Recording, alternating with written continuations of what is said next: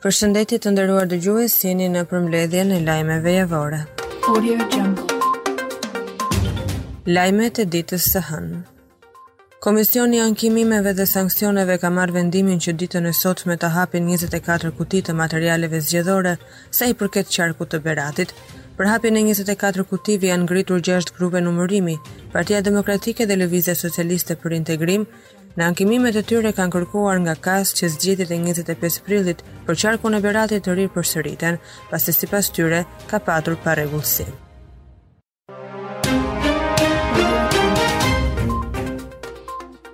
Gjatë një takimi pune që pati me prokurorinë e Fierit, kryeprokurori Olsian Çela ka deklaruar për mediat se po hetohet në lidhje me krime zgjedhore dhe pastrimin e parave.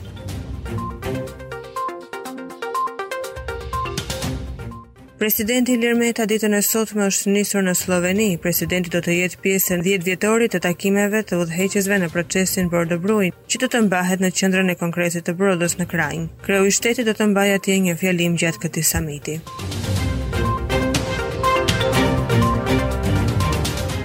Në një vjetorin e shembjes së teatrit, pjesëtarë të aktorëve dhe shoqërisë civile janë mbledhur në ambientet kur dikur ndodhej godina e teatrit. Në fjalët që morën të pranishmit thanë se pasi janë bërë paditë dhe kallëzimet për shembjen e teatrit, do të shohin gjendjen e nivelit të demokracisë pas reformës në drejtësi.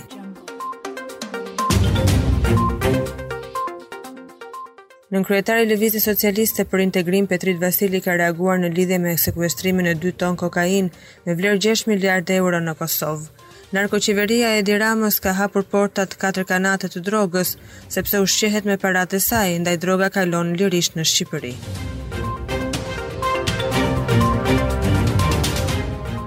Ka filluar sot mbledhja e radhës e Komisionit Hetimor për shkarkimin e presidentit Ilir Meta. Në mbledhje janë transmetuar deklaratat e Metës në televizion dhe deklarata për shtyp si dhe u lexuan të gjitha postimet e tij në rrjete sociale. Videot e shfaqura në komision janë nga emisione ku Meta ka folur për presidentin Edi Rama, për shembje të regjimit, apo për të rrëmbyer sfurqet dhe lopatat, por edhe videoja e përplasjes me policinë bashkiake në zyrat e FRD-së.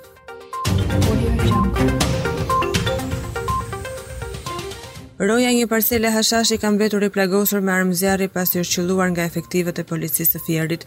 Këta të fundit gjatë kontrollit të territorit janë futur në një zonë të pyllëzuar dhe kanë parë personin me Kalashnikov në dorë. Efektivët e policisë kanë bërë thirrje të ulte armën dhe të dorëzohej, por ai ka mbushur Kalashnikovin dhe ua ka drejtuar policëve.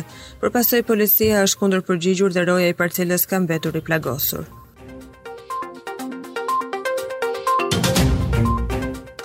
Në qytetin e Shkodrës, një 32 vjeçar është ekzekutuar me armë zjarri duke u gjetur i pajetë në zonën e livadheve. Viktima është qëlluar me 8 plumba dhe 5 prej tyre e kanë goditur atë në trup.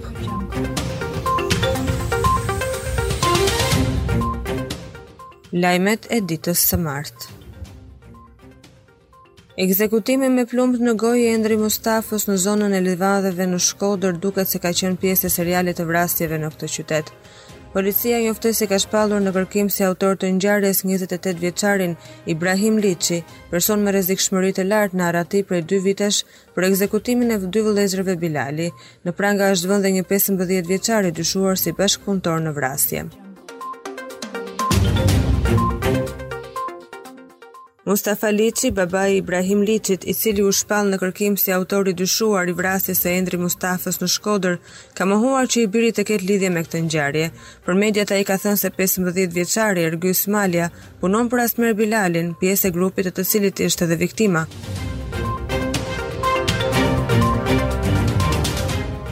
Ingrid Mustafa, bashkëshortja e Endri Mustafës që u gjet i vrarë në Shkodër, Ka thënë se nuk është Ibrahim Liçi autori i vrasjes. Për mediat ajo është shprehur se me familjen Liçi kanë marrëdhënie të shkëlqyera, duke hedhur akuza mbi 15 vjeçarin Ergys Malja, i arrestuar si bashkëpunëtor i Ibrahim Liçit. Sipas saj ka qenë i mituri që e ka nxjerrë Endri Mustafën nga shtëpia, pasi i ka dërguar një mesazh të koduar në telefon. Grisel Çpataraku, njëzet e nëntë vjeçari nga Patosi që u plagos nga policia gjatë kontrollit për kanabis, është dërguar prej mbrëmjes së djeshme në Tiranë për ndihmë të specializuar. Mësohet se për shkak të plumbit të marrë nga policia, ndërsa ruante fidanët e kanabisit të mbjellë në kubik, gjendja shëndetësore e tij është e rënduar. 29 vjeçari ka marrë një plumb në zonën e supit, por i ka prekur shtyllën kurrizore dhe mendohet se është paralizuar, pasi nuk lëviz dot gjymtyrët e poshtme.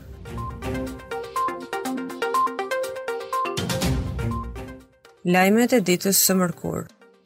Kryetari i Partisë Demokratike Lulzim Basha në turin e tij nëpër Shqipëri për të denoncuar krimin elektoral nga qyteti i Shkodrës, ka denoncuar bashkëpunimin Rama-Doshi për blerjen e votave. Në takim Basha denoncoi edhe një fakt të paditur deri më tani, duke thënë se banditët I mbyllën mbledhjen dhe larguan një ambasadore perëndimore.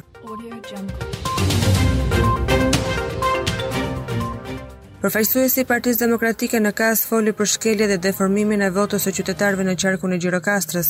Ai foli dhe për paraqitjen e materialeve ankues prej 52 faqesh të mbështetura në 26 prova, duke shpjeguar të gjitha shkeljet në këtë qark.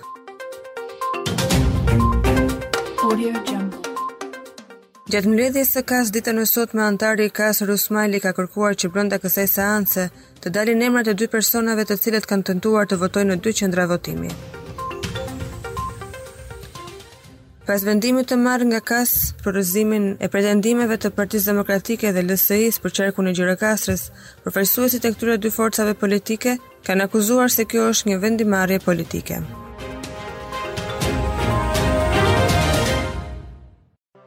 Bujar Leskaj në emër të Partisë Demokratike të Vlorës ka denoncuar edhe një herë në KAS, por refuzojnë të japin drejtësi për qytetarët në qarkun e Sarandës.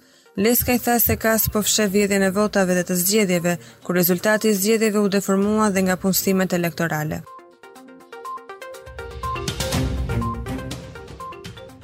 Nga qyteti i Durrësit ambasadori i Bashkimit Evropian në Tiranë Luigi Soreka ka cituar OSBE ODIHR të cilët në raport thanë se zgjedhjet e 25 prillit ishin të rregullta dhe pa probleme. Sipas Sorekës në qendrat e votimeve ka patur përmirësime krahasuar me zgjedhjet e mëparshme.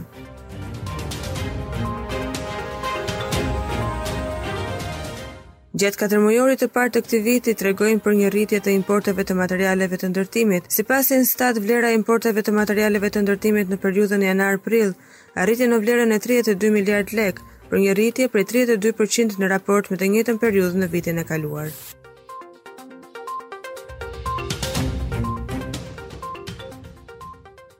Në një mesazh në Twitter, sekretari i shtetit Antony Blinken shkruan se Berisha dhe familja e tij janë shpallur zyrtarisht të papërshtatshëm për të hyrë në SHBA dhe prandaj u ndalohet hyrja në këtë vend. Veprat e korrupsionit të ish-presidentit të Shqipërisë Sali Berisha minojnë demokracinë në Shqipëri. Unë e shpall publikisht Sali Berishën dhe anëtarët e familjes së tij si të papërshtatshëm që të hyjnë në Shtetet e Bashkuara të Amerikës. Ne vazhdojmë të jemi kundër korrupsionit së bashku me partnerët tanë në Shqipëri, shkruan sekretari i shtetit në Twitter.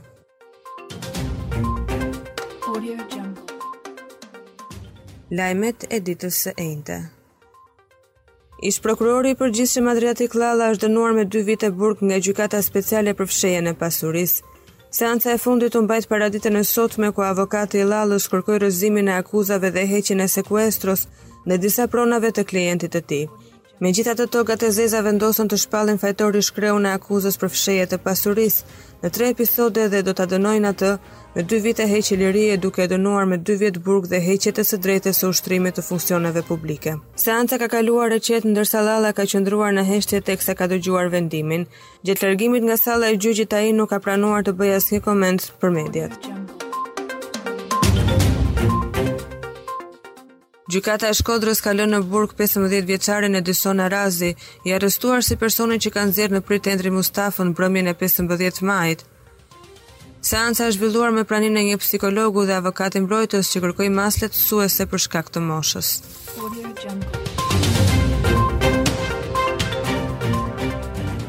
Ministri e Shëndetësisë Etilda Gjonaj dha detaje në Kuvend në lidhje me projektligjin për traktatin e ekstradimit ndërmjet Shqipërisë dhe SHBA-së që pritet të kalohet sot për votim.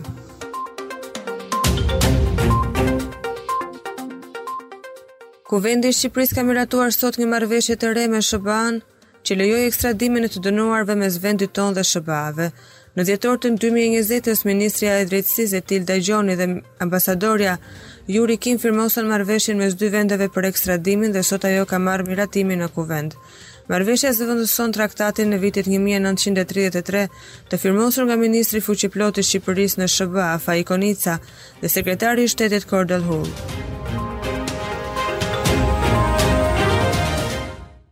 Ambasadorja e SHBA-s Yuri Kim dhe ministri i Mbrojtjes Niko Peleshi kanë marrë pjesë në një nga stërvitjet e trupave ushtarake amerikane dhe shqiptare në Bizë. Qitje me mortaja, snajper, veprime të skuadrës në sulm, goditje objekti dhe rënie në pritë, ishin disa nga demonstrimet e efektivëve.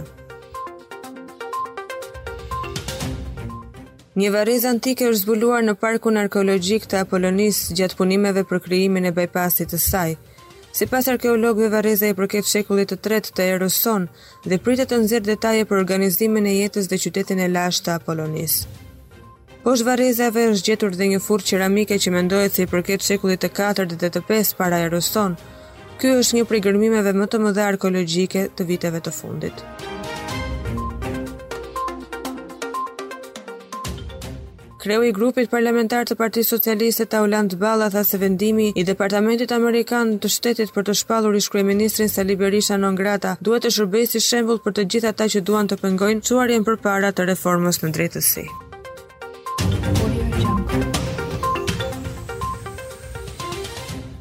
Lajmet e ditës së premte.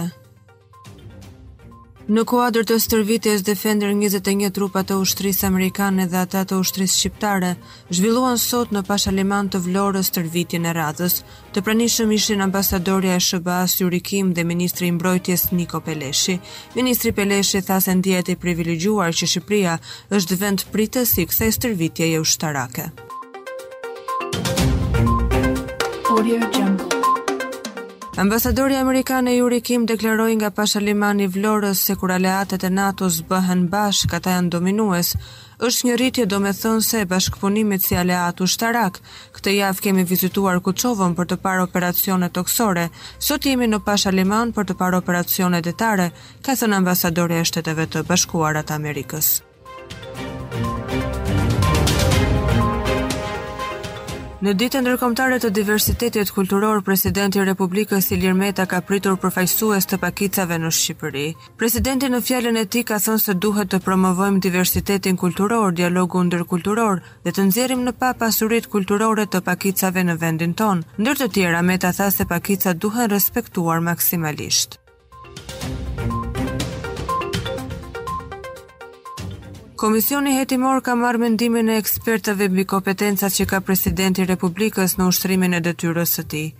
Ekspertët përmes eksperiencave në shtete të tjera janë shprehur se kreu i shtetit mund të japë mendimin e tij në zhvillime të ndryshme, por dhe kjo me kufizime pasi përfaqëson unitetin e popullit.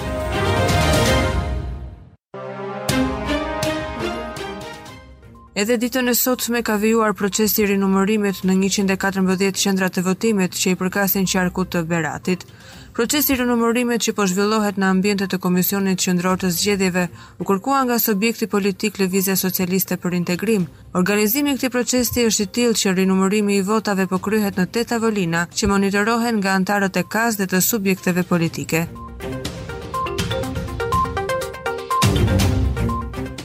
Në kuadër të zgjedhjeve që do të zhvillohen në muajin qershor për zgjedhjet e kryetarit të Partisë Demokratike, zonja Edith Harxhi ka paraqitur kandidaturën e saj.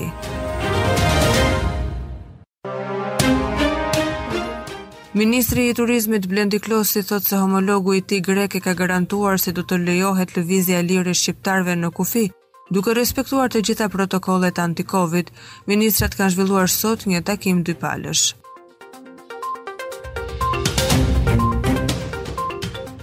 Kryeministri Edi Rama ishte i pranishëm në inspektimin e punimeve për ndërtimin e shtëpive të reja në Bubq të Krujës. Ai u shoqërua nga ministri Arben Ahmetaj. Në fund të kësaj vere në Bubq janë 120 familje që do të kenë apartamente të reja, në shtatë pallate dhe në 75 banesa individuale.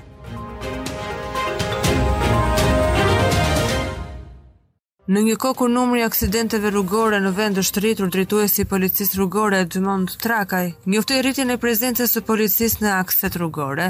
Trakaj tha se është një numër i madh shoferësh që shkelin rregullat e qarkullimit rrugor, ndërsa shtoi se nën moton Ruaj jetën dhe kuletën, do të intensifikohet puna me qëllim rritjen e sigurisë në rrugë. Për të disatën herë, banorët e Lumasit janë ngritur në protestë për të ruajtur burimin e ujit të Sinecit. Sipas tyre, projekti është bërë pa praninë e banorëve duke u shpallur dhe firma fituese që ka nisur punimet.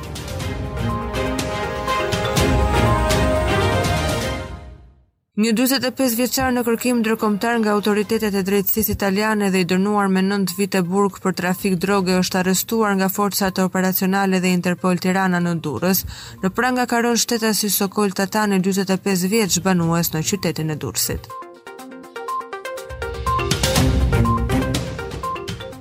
Policia e Shkodrës ka kapur tre persona të cilëve iu gjet lëndë narkotike. Sipas njoftimit zyrtar të policisë, ata ishin duke qarkulluar me makinë dhe drogën e kishin fshehur aty. Po ashtu është proceduar penalisht dhe një 16 vjeçar i cili ishte me ta.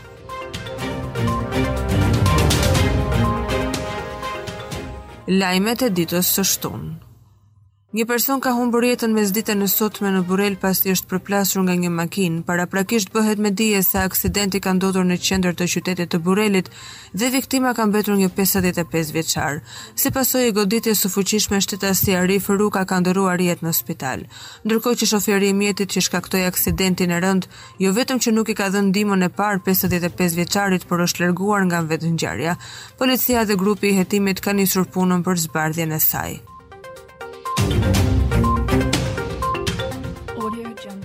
Shtatëmbëdhjetë persona janë shoqëruar nga policia e Vlorës pas vrasjes së Delon Troqes, 38 vjeçarit që u ekzekutua me breshëri plumbash kallashnikov në lagjen Pavarësia të qytetit. I riu ndodhej para servisit të makinave që kishte i vëllai i tij në Vlorë, kur persona të armatosur hapën zjarr dhe e lanë të plagosur rëndë, ku më pas ndërroi jetë. Policia ka njoftuar se janë arrestuar dy prej autorëve të dyshuar të plagosjes së 33 vjeçarit në fshatin Poshnjë të Beratit.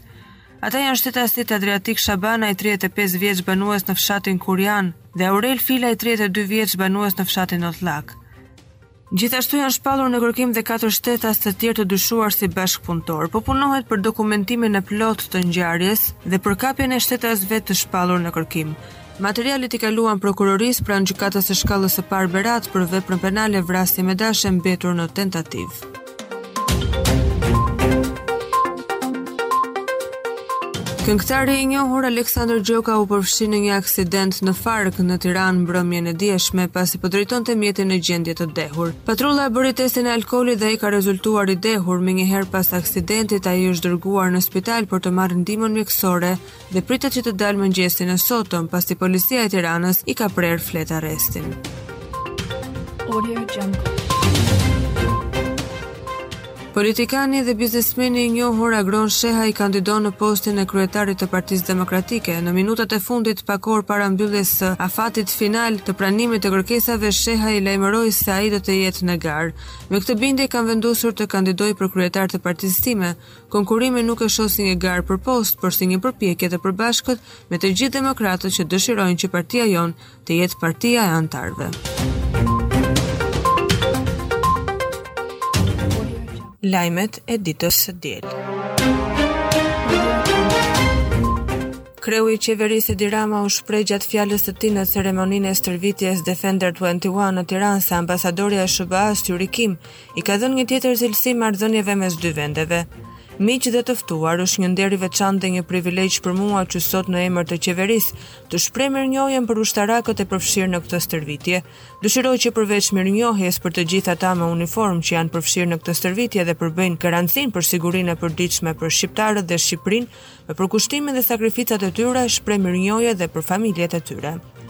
Familje që sakrifikojnë çdo ditë, që janë të parët që preken nga emocionet për shkak të përfshirjes së familjarëve të tyre në forcat e armatosura. Sot dua të falënderoj të gjithë ushtarakët e përfshirë në këtë stërvitje nga SHBA dhe të gjithë vendet e tjera. I bëj një falënderim ambasadores Yuri Kim, e cila me përkushtimin e saj i ka dhënë një cilësi të re marrëdhënieve mes dy shteteve. Është shprehur kryeministri Rama.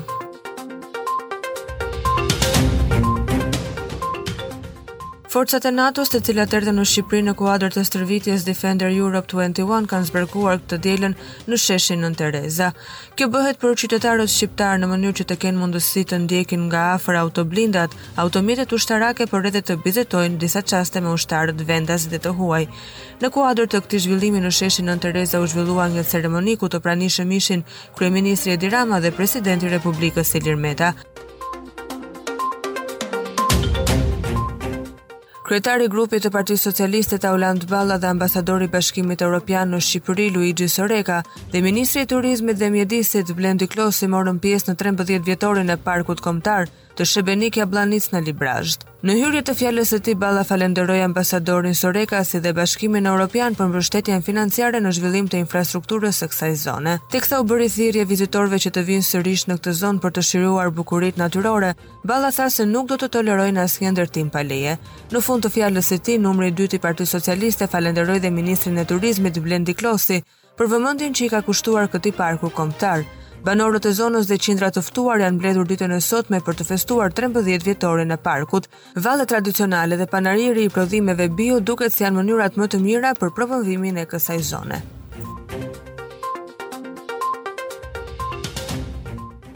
Shqipëria vazhdon të regjistrojë një numër të ulët të jetëve të humbura të rasteve të reja me COVID-19. Ministria e Shëndetësisë ka publikuar bilancin e 24 orëve të fundit, ku në vendin tonë janë shënuar 33 raste të reja dhe 2 viktima nga koronavirusi. Të ndjerët janë një qytetar nga Korça dhe një qytetar nga Shkodra të moshave 56 dhe 80 vjeç. Aktualisht në spitalet Covid po trajtohen pesëdhjetë e shtatë pacientë, nga të cilët tetë pacientë janë në terapi intensive. Në njëzet e katër orët e fundit janë shëruar njëqind e tridhjetë e një qytetarë, duke e çuar numrin e të shëruarve në njëqind e njëzet e tetë mijë e shtatëqind e tridhjetë e dy që nga fillimi i epidemisë. Ministria e Shëndetësisë dhe Mbrojtjes Sociale u drejtohet qytetarëve të mos neglizhojnë asnjë shenjë të sëmundjes dhe të kontaktojnë për çdo dyshim me mjekun e familjes për të kryer testin, si dhe për të ndjekur trajtimin ambulator në banesë.